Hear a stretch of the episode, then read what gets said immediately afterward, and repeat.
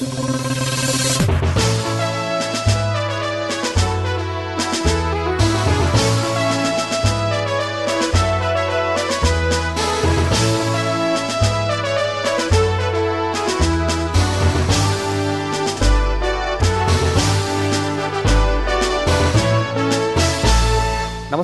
Hello सांसदमा तपाईँलाई हार्दिक स्वागत छ। म राजन रुचाल। आजको हेलो सांसदमा हामीसँग हुनुहुन्छ भोजपुरबाट निर्वाचित सांसद सुदन किराती। एक हिसाबले हेर्दाखेरि उहाँले पटक पटक भोजपुरका जनताको मन जित्नु भएको छ मत जित्नु भएको छ र पटक पटक भोजपुरको प्रतिनिधित्व गर्दै सङ्घीय संसदमा आउनु भएको छ। यसपटक त्यहाँका मतदाताले अलिक फरक खालको अपेक्षा राखेका छन्। उहाँले यसपटक चाहिँ व्यवस्थापिकाको भूमिकामा मात्रै होइन कार्यपालिकाको भूमिकामा रहेर पनि काम गर्नुहुन्छ भन्ने अपेक्षासहित त्यहाँका जनताले मत दिएका छन्। अर्कोतर्फ संसदमा आउँदै गर्दा सांसद हुँदै गर्दाखेरि जनताको कामलाई कसरी सहज तरिकाले गर्न सकिन्छ? कसरी जनताको घर दैलोमा पुगिरहन सकिन्छ? कसरी जनताको सुख दुःखमा आफूलाई उभ्याइरहन सकिन्छ भनेर उहाँले गरेका अभ्यास पनि पटक पटक सामाजिक सञ्जाल मार्फत हामीले देख्ने सुन्ने गरेका छौँ। यिनै विषयमा आज हामी कुराकानी गर्दैछौँ। यहाँलाई स्वागत छ सिआइएनमा धन्यवाद। अहिले चाहिँ सामान्य हिसाबले हेर्दाखेरि शपथ ग्रहण पछाडि संसद सुरु भइसकेको छैन। त्यसकारण तपाईँहरू सांसद त हो तर जनताको दिन दैनिकीसँग जोडिएका विषयवस्तुहरू बोलिहाल्ने ठाउँ पनि पाउनु भइसकेको छैन। बोल्ने ठाउँ पनि बनिसकेको छैन। त्यस कारणले कसरी बितिराखेको छ दैनिकी चाहिँ? सम्माननीय प्रधानमन्त्रीसँग मैले जनताको कुरा आज पनि राखेर आएको छु। नम्बर एक किसानहरूले को आज आम समस्या बाँदर भनेको छ? बाँदर व्यवस्थापनको निम्ति के हुन सक्छ त भन्ने सन्दर्भमा मैले चारवटा सुझावहरू गरेको छु। जङ्गली जनावरले क्षति गरेको बालीको पूर्ति हुन्छ बाँदरले गरेको किन हुँदैन तर त्यो चाहिँ धेरै नै तपाईँको क्षति गर्ने भएको हुनाले त्यो क्षति पूर्ति गर्नु पनि राज्यलाई गाह्रो त छ। दोस्रो तपाईँको चाहिँ बाँध स्थानीय सरकार र प्रदेश सरकारलाई अधिकार सम्पन्न बनाउने बाटोमा जानु पर्यो। कमसे कम तपाईँको मालपोतको तिरो तिर्ने नागरिकता प्रदान गर्ने अनि तपाईँको सवारी साधनको लाइसेन्स ट्रायल विराटनगर धरान जहाँ भए पनि कुनै एउटा कर्मचारीको माध्यमबाट गाउँपालिकामै पुर्याउने र पासपोर्ट पनि गाउँपालिकामा पुर्याउने गरीको अधिकार प्रदान गर्नुपर्छ र त्यो कार्यान्वयनमा लानुपर्छ।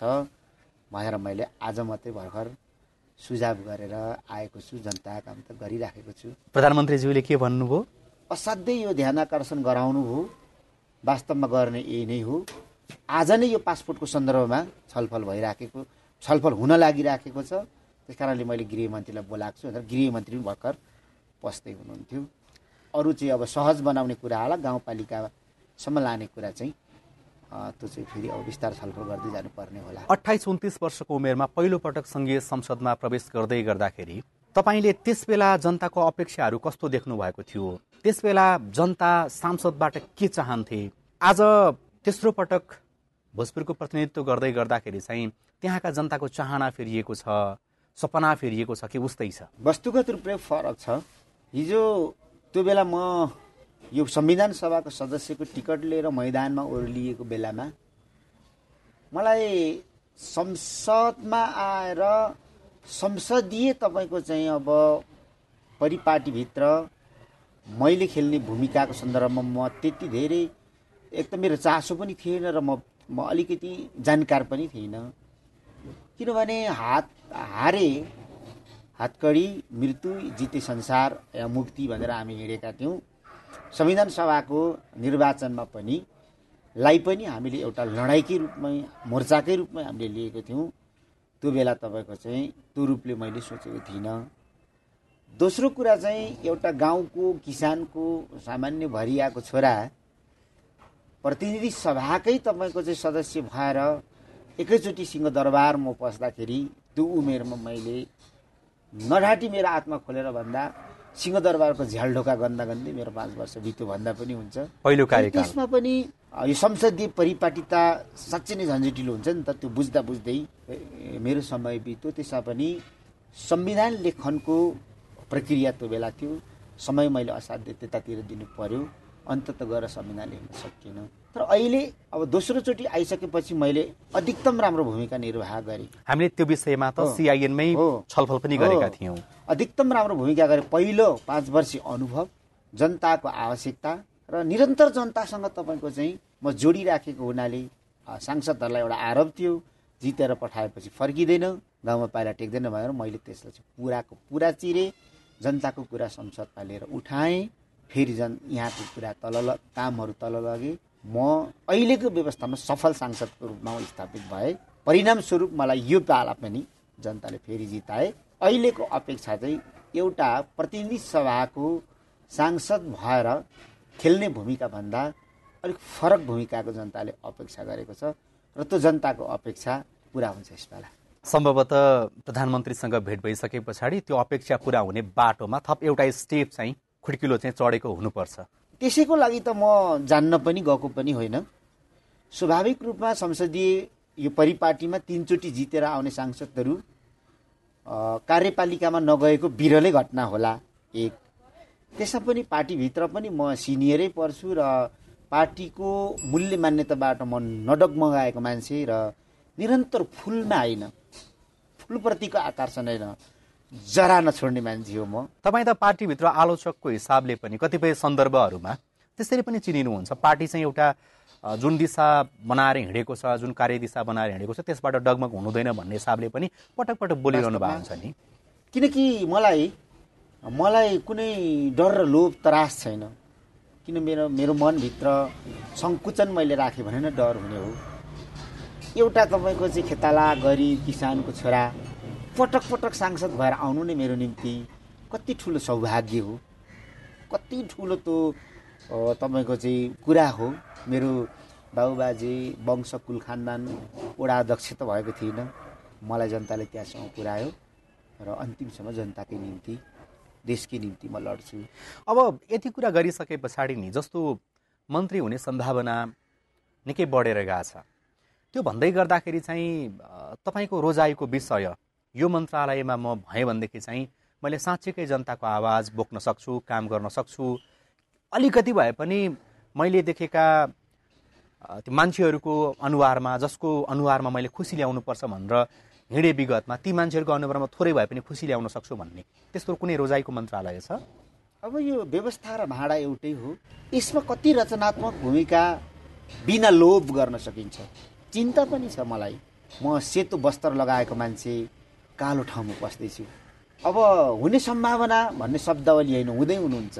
भन्नु पर्यो तपाईँहरूले तर कुन चाहिँ हो भन्ने कुरा अहिले पनि फिक्स भएको छैन र मेरै कुरा चाहिँ के हो भने जनतासँग जोडिएको मन्त्रालय मलाई चाहियो।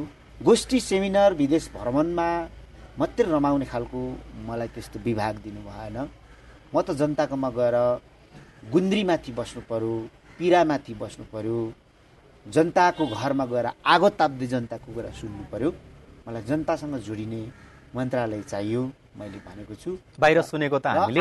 तपाईँ सञ्चार मन्त्री बन्दै हुनुहुन्छ भन्ने सुनेको नि। अझै पनि प्रधानमन्त्रीले हामीले पाउने मध्येको राम्रो भन्नुभएको छ। उहाँलाई के राम्रो लाग्छ? उहाँ र मेरो त्यो त्यो मामिलामा तपाईँको भावना नमिल्न पनि सक्छ तर उहाँले उहाँले लागेको चाहिँ हामीले पाए मध्येको राम्रो भन्नुभएको हामीले सुनेको चाहिँ सञ्चार मन्त्रालयको जिम्मेवारी पाउँदै हुनुहुन्छ अरे भन्ने सुनेको। कहाँसम्म सत्य हो? थाहा छैन। अब त्यो त मलाई पनि थाहा छैन। हल्लाहरू चलै होलान् त्यो मलाई थाहा छैन यही हो भनेर हामीले पाएभित्रको राम्रो भन्नुभएको छ। ठिक छ मन्त्रीको कुरा मन्त्रालयको कुरा तपाईँले जिम्मेवारी सम्हालिसके पछाडि पनि हामी कुरा गर्न सक्छौँ जनताको दिन दैनिकीसँग जोडिएको कुरा। अहिले चाहिँ एउटा सांसदको हिसाबले हेर्दाखेरि तपाईँ यसभन्दा अगाडिको कार्यकालमा सबैभन्दा बढी जनताको बिचमा पुगेको तपाईँको सामाजिक सञ्जालमा आउने तस्विरहरू अनि त्यो भिडियो फुटेजहरूले पनि भन्थे कि आफै बोल्थे ती कुराहरूले। त्यहाँ पुग्दै गर्दाखेरि कहिले रोएको कहिले हाँसेको जनताले जे पकाउँछन् त्यही कुरा खाएको त्यो सांसदले गर्न जरुरी भएर तपाईँले गर्नुभएको हो कि होइन देखाउनुपर्छ अहिले जमाना भनेको देखाउने छ त्यसकारण गर्नुभयो खास? हामीले त धरती छोडिसकेका छौँ। हाम्रा नेताहरू हिजो भूमिगत हुँदाखेरि किसानले जनताले तपाईँको चाहिँ पकाएको खाना आफूले आधा पेट खाएर दिएको थियो। जनताले तपाईँको आफू सुत्ने ओछ्यान असारको बेलामा तपतपी पानी र पसिना चुहाउँदै मेलोबाट गा घर निक्लेर आफ्नो ओछ्यान छोडिदिएको थियो। दस पन्ध्र वर्षको यो तपाईँको पिरियडमा जनतामा दुःख झन्झन पासोको रूपमा तपाईँको विकास भइराखेको छ। त्यसको रूप फेरिएको छ। त्यो हाम्रो हामी नेताहरूले बुझ्न छोड्यौँ। अझ पैँतिस छत्तिस सालतिर भूमिगत भएको मान्छेले त उहिलेकै कुरा सम्झिराखेको छ। दुःख त्योभन्दा पनि गुणात्मक छ। तर रूप फरक हुँदै गएको छ। त्यस कारणले जब जनता हामी जरा छोड्छौँ जरा छोड्यौँ नि तब हामीले उसको पक्षमा नीति बनाउन छोड्यौँ। किनभने विज्ञानको नियम के हो भने चेतनाले नै वस्तुको निर्धारण गर्छ भनेको छ। भने चाहिँ हामी वस्तु नै त्यो वस्तु सही वस्तु चाहिँ हामी हेर्दैनौँ। फुलमा रमायौँ जरामा हामीले पानी हाल्न छोड्यौँ। त्यस कारणले अब मैले रेकर्ड ब्रेक गरेँ। अहिलेसम्मको भोजपुर जिल्लाको सांसदहरू मध्ये सबभन्दा बढी म जनताकोमा जाँदेर जनताको दुःख सुख सुन्ने। कुनै लोकप्रियताको कुरा होइन। मलाई मान्छेले आरोप पनि लगाए चुनावमा दुई बोरा चामल बोकेर फोटो खिचाएर फेसबुकमा लगाएर। होइन दुई बोरा होइन। कोरोनाले मान्छे खानु नपाएर सडकमा थर कामदै उभिराखेका मान्छेहरूलाई मेरो कन्ट्याक्टमा लिएर मैले चालिस टन चामल बाँडेको तिन महिना रेगुलर चालिस टन चामल मैले बाँडेको तर चुनावको बेला चाहिँ एउटा दाजुभाइलाई तपाईँले सहयोग गरेको विषयलाई लिएर मान्छेहरूले आलोचना पनि चुनाव जितेपछि ठाउँ ठाउँमा भोज भतेर गर्ने खास रियल तपाईँको नागरिकहरू त भोज भतेरमा नआइपुग्ने आफ्नै एउटा घेराले मात्रै भोज भतेर खाने धेरै खर्च गराउने प्रचलन छ। जिन्दाबाद र मुर्दाबादको नारा लगाउनु पर्ने तर हामीलाई भोट दिने जनता कहिले पनि जिन्दाबाद नहुने उसको एउटा चप्पल फेर्नुको निम्ति पनि। उसले लगाउने कृषि गर्दा लगाउने गम्बुट फेर्नुको निम्ति पनि मलेसिया गएको छोराछोरीको बाटो हेर्नुपर्ने मिठो खानुको निम्ति दसैँ पर्खिनु पर्ने हाम्रो सबभन्दा ठुलो शत्रु त गरिबी रहेछ। गरिबीमाथि विजय हासिल गरेको दिन जिन्दाबाद र मुर्दाबादको नारा लगाउँ। हरेक पाँच वर्षमा यो कान दुख्ने गरी नारा ध्वनि प्रदूषण हुने गरी नलगाउँ। र भोजभत्र खाने पैसाले गरिबको सेवा गरौँ भनेर मैले भोजपुरमा दुईवटा घर परिवारलाई मैले अडसट्ठी हजारको दरले टिन किनेर मैले छाना छाउने काम गरेको तर ठिक यही कुरा यही कुरा म अलिकति तपाईँलाई भन्छु। तपाईँ पनि तपाईँको प्रश्न नबिर्सिनुहोस्। यो कुरा एउटा व्यक्तिले गरेर हुने होइन। म जस्तो सांसद माथिल्लो हाउस र तल्लो हाउसमा आज तिन सय चौतिसजना छ। तिन सय चौतिसजनाले दुई दुईवटा घर भोज खाने पैसाले छाएको भए आज झन्डै सात सयको हाराहारीमा घर चाहिन्थ्यो। प्रदेशमा तपाईँको सांसदहरू तिन सय तिसजना छन्। तिन सय तिसजनाले दुई दुईवटा छाएको भए छ सय साठीवटा हुन्थ्यो त्यही चौध सय त हुन्थ्यो। प्रत्येक गाउँपालिका र नगरपालिका महानगरपालिका उपमहानगरपालिकामा सात सय त्रिपन्नजना अध्यक्ष प्रमुख र उपप्रमुख सहित उपप्रमुख सात सय त्रिपन्न छ। सात दुना चौध पन्ध्र सय छजना हुन्छ। तिनीहरूले एक एकवटा गरेको पन्ध्र सय छजना हुन्थ्यो। एक वर्षमा तिन हजार तपाईँको चाहिँ तिन हजारभन्दा बढी नागरिकको छाना फेरिन्थ्यो। या सामाजिक काम हुन्थ्यो। छ हजारभन्दा बढी तपाईँको चाहिँ वडाध्यक्षहरू छन् समन्वय समिति र त्यसको पदाधिकारीहरू सतहत्तरवटा जिल्लामा छन्। प्रत्येक महिनामा एक दिन मात्रै सार्वजनिक स्थलमा तिनीहरूले काम गरेको भए आज हाम्रो सार्वजनिक तपाईँको चाहिँ के भन्ने अब सङ्घ संस्था हाम्रो सार्वजनिक तपाईँको चाहिँ कार्यालयहरू टल्किन्थ्यो होला एउटा नयाँ कल्चरको विकास हुन्थ्यो होला। मैले त खालि कल्चर दिनु खोजेको हो। जस्तो सांसदहरूको कुरा गर्दाखेरि चाहिँ कतिपयले त अहिलेसम्म पनि भोजभत्री गर्न सकेका छैनन्। शुभकामना आदान प्रदान खुसी बाँड्ने काम अहिले पनि चलिराखेको छ। त्यो गलत हो त्यस्तो कुरा गर्नु सर्वाधिक गलत हो। सर्वाधिक गलत हो। कारण के? अब तपाईँलाई चाहिँ ठुलो मात्रामा खर्च गर्ने कर्पोरेट हाउससँग खर्च उठाउने अनि आफू मन्त्री पदको निम्ति मरिहत्ते गरेर तपाईँको चाहिँ लाग्ने र भोलि गएर कर्पोरेट हाउसको सेवा गर्ने जनताको सेवा नगर्ने आफ्नो साउ ब्याजसहित कमाउनुमा लाग्ने जनताको दुःखप्रति नजर नगर्ने योभन्दा गलत तपाईँको चाहिँ अरू केही पनि होइन प्रजातन्त्रको नाममा लोकतन्त्रको नाममा यो चाहिँ जनतामाथि अपराध राष्ट्रमाथि अपराध हुँदैछ। सांसदले गर्नुपर्ने त खास नीति निर्माणको काम हो कामको हिसाबले। तर सांसदहरू चाहिँ अघि तपाईँले भने जस्तै सेवाको काम पनि त गर्न पर्यो जनताको अपेक्षा हुन्छ विकासको काम गर्न पर्यो। नेपालमा विकृति भयो सांसदलाई लगेर विकाससँग जोडिदियो। सांसदहरूले बनाएको नीतिको ट्र्याकमा कार्यपालिका हिँड्नुपर्छ। कार्यपालिकाले गडबडी गर्यो भने न्यायपालिकाले त्यसलाई ट्राफिकको काम गर्नुपर्छ। खास नियम यो हो। तर तपाईँ अघि आफैले पनि भन्दै हुनुहुन्थ्यो कि जनताको दुःख सुखमा सांसद उपस्थित हुनुपर्छ भनेर। त्यो भन्दै गर्दाखेरि जुन घर बनाउने कुरा गर्नुभयो छाना छाउने कुरा गर्नुभयो जस्ताको छाना हालिदिने कुरा गर्नुभयो अथवा मान्छेहरूको घरमा चाहिँ चामलको बोरा बोकेर पुग्ने कुरा गर्नुभयो त्यो विकाससँग सम्बन्धित विषयहरू। सांसद कहिलेसम्म त्यसरी बोरा बोकेर हिँडिरहने त नि? सांसद कहिलेसम्म बोरा बोकेर हिँड्ने? एउटा सांसदले बोरा बोकेर हिँडेर आम जनताको समस्या समाधान पनि हुँदैन त्यसलाई नीतिद्वारै समाधान गर्नुपर्छ। यही कुरा तपाईँ संसदमा हुनुभयो नीति निर्माणको काममा चाहिँ नेतृत्व गरेर काम गर्नुभयो अघिल्लो पटक संविधान बनाउनकै लागि जुट्नुभयो योभन्दा पछिल्लो पटकको कार्यकालमा थुप्रै ती संविधानले बनाउनुपर्छ भनेका कानुनहरू बनाउनको लागि जुट्नुभयो। हामी कहाँनिर चाहिँ चुक्दा रहेछौँ त्यसो भएदेखि? एज अ सांसदको हिसाबले भन्दा। संसदीय व्यवस्था त सर्वाधिक नौटङ्की व्यवस्था रहेछ। एउटा तपाईँको बाटोमा हिँडो चिप्लेर लडो हिलो टकटक्क हिँडिहाल्यो। किन लडे भनेर त्यो तपाईँको चिप्लो ठाउँ ढुङ्गा खोजेर मिल्काउने काम गरिँदैन। र एकजना सांसदले भनेर यहाँ नीति बनिँदैन। खालि अलिकति शक्तिशाली र पावरफुल सांसदको कुरा उठाउने मात्रै हो। यहाँ त बोल्नु पनि पाइँदैन। पार्टीको भागभण्डमा बस्नुपर्छ र पार्टीका सर्वोच्च तपाईँको कमान्डरहरूलाई जबसम्म त्यो कुरा पर्दैन तबसम्म त्यो विधेयकको रूपमै आउँदैन। आए पनि उताउति हुन्छ। र जनताको पक्षमा आएको विधेयक र यहाँको तपाईँको स्वार्थी समूह स्वार्थ समूहहरूको विपरीत विधेयक आयो भने यहाँ बाटैमा सिंहदरबारको सिँढीमै तपाईँको विधेयकको बुधाहरू फेरिन्छ। यस्तो देशमा हामी बसिरहेका छौँ। त्यसैले त म भन्दैछु सेतो वस्त्र लगाएर कालो ठाउँमा जा गइँदैछ। कति खतरनाक छ त्यो त्यही गरेर थाहा पाइयो यसपटक चाहिँ संसदमा इतिहासमै सबैभन्दा धेरै व्यापारी व्यवसायीहरूको प्रवेश भएको छ। तपाईँले कति ख्याल गर्नुभएको छ? थुप्रै यस्ता व्यापारी व्यवसायीहरू संसदमा सांसद बनेर छिर्दै हुनुहुन्छ उहाँहरू जनताको प्रतिनिधि बनेर छिर्दै हुनुहुन्छ। उहाँहरूले स्वार्थ पुरा गर्ने हिसाबले व्यावसायिक स्वार्थ पुरा गर्ने हिसाबले काम गर्नु होला कि भन्ने संशयका बिचमा जनता कसरी चनाखो बन्ने एक दोस्रो तपाईँहरू जस्तो सांसदहरू चाहिँ कसरी चनाखो बन्नुपर्छ जनताहरू सचेत हुनु पर्यो आफू अचेत भइयो भने आफूभन्दा के भने त्यसमा चासै मात्रै राखिएन भने आफूभन्दा अचेत र तपाईँको चाहिँ दण्डहीन मान्छेले आएर शासन हामीमाथि गर्छ भनेर तपाईँको मिडियाबाट म अपिल गर्न चाहन्छु सबै देशका युवाहरू राजनीतिलाई बुझ्नुहोस् राजनीतिप्रति सचेत हुनुहोस् र औँला ठडाउनुहोस्। जुन समाजमा प्रश्न मर्छ त्यो समाज पनि मर्छ प्रश्न निरन्तर खडा गरिराख्नुहोस्। र हामी पनि तपाईँको खडा गरिराख्छौँ भन्ने लाग्दछ अब अहिले त्यही त सं सांसदहरू नै मन्त्री बन्ने व्यवस्था छ यो खराब व्यवस्था भयो हाम्रो लागि। यहाँ ठुला ठुला तपाईँको पैसावालाहरू हेलिकप्टर रिजर्भ गर्नु सक्ने मान्छेहरू करोडौँ खर्च गर्न सक्ने मान्छेहरू तपाईँको चाहिँ निर्वाचनको मैदानमा टुरिस्ट उम्मेदवारहरू ओर्लिन्छन्।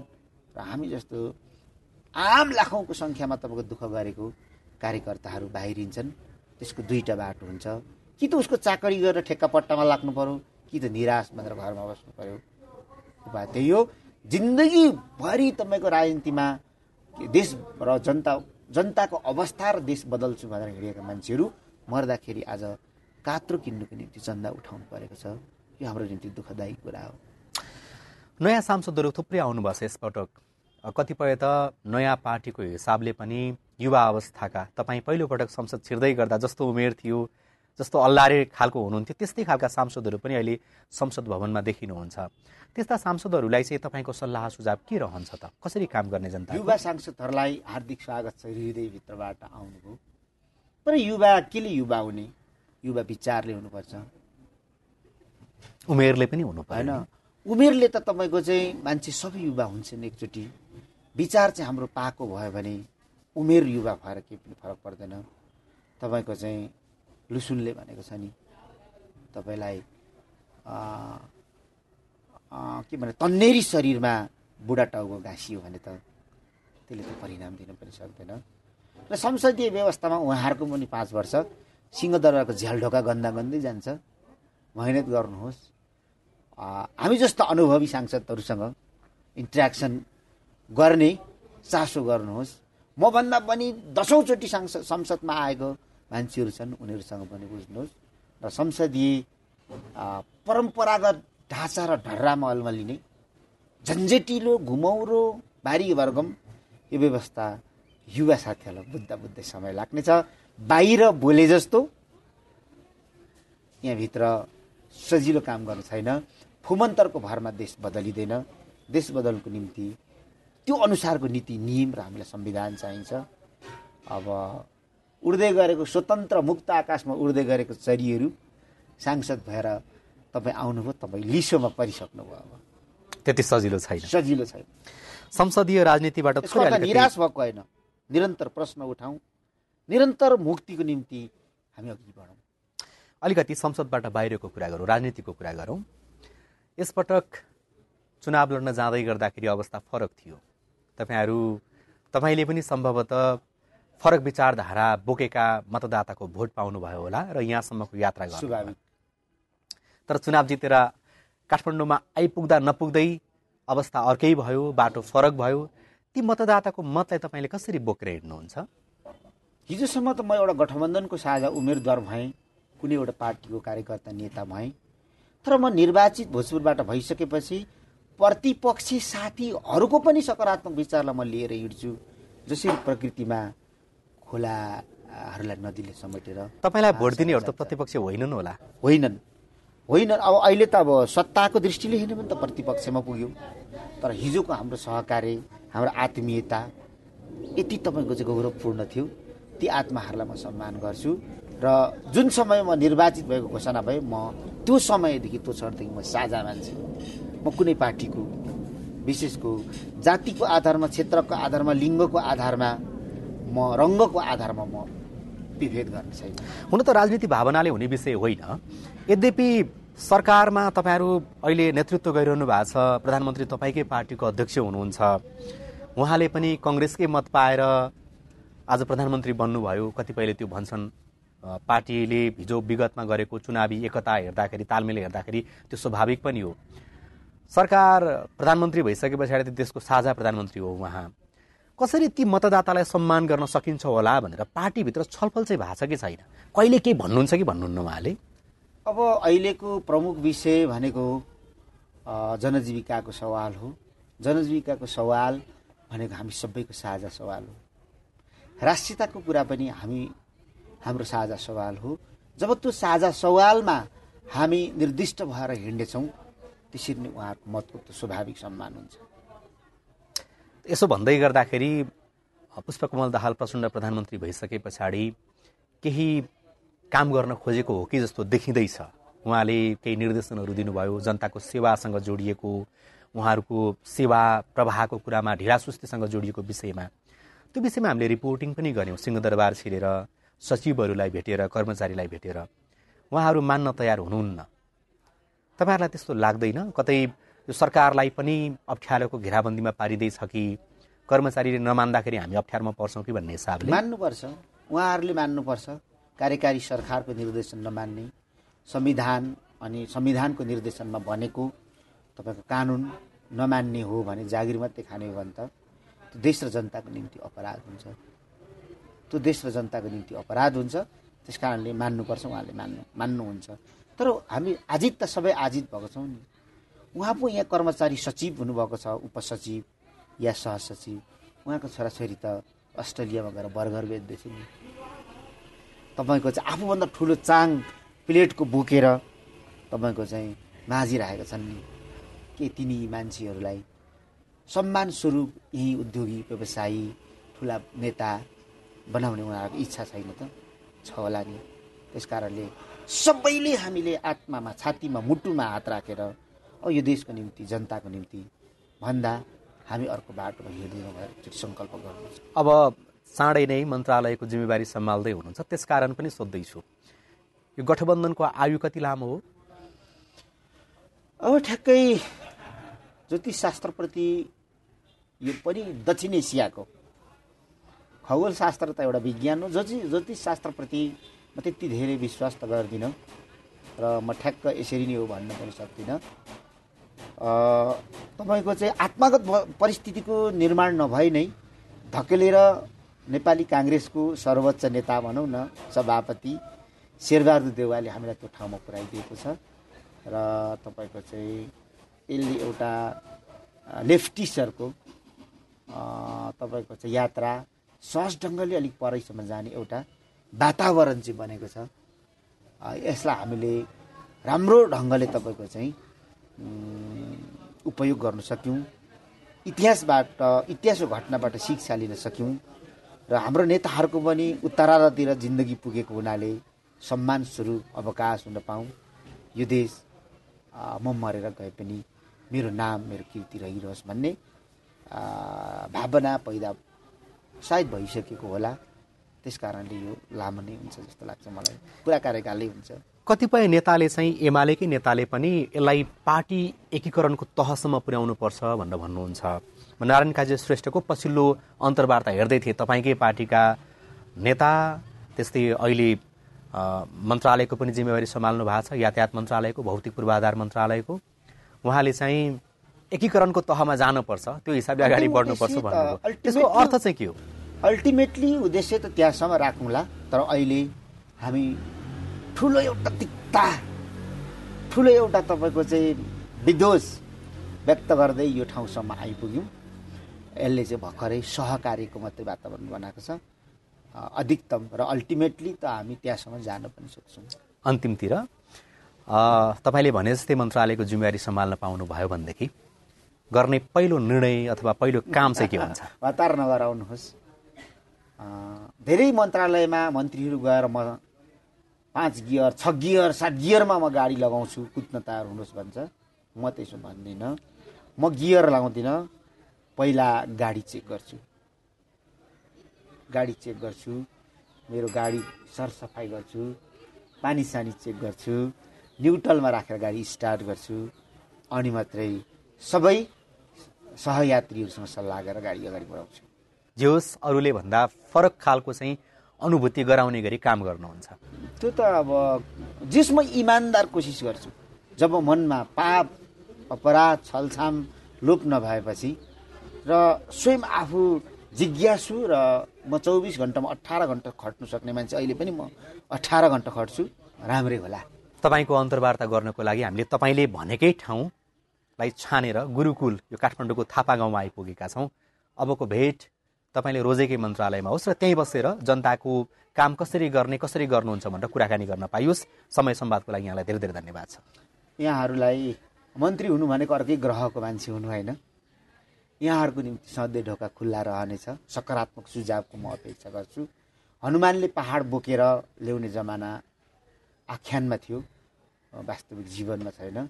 सामूहिक बल तपाईँ बुद्धि र बरकत लगाएर नै सफल हुने हो त्यसको निम्ति सकारात्मक सहयोगको निम्ति म हार्दिक अनुरोध गर्छु धन्यवाद। यो सँगै हेलो सांसदको समय सकिएको छ। आज हामीसँग हुनुहुन्थ्यो भोजपुरबाट नवनिर्वाचित सांसद सुदन किराती। आजका लागि प्राविधिक साथी सुभाष पन्त र अविनाश आचार्य सहित म राजन रुचाल पनि बिदा हुन्छु। हवस् त नमस्ते।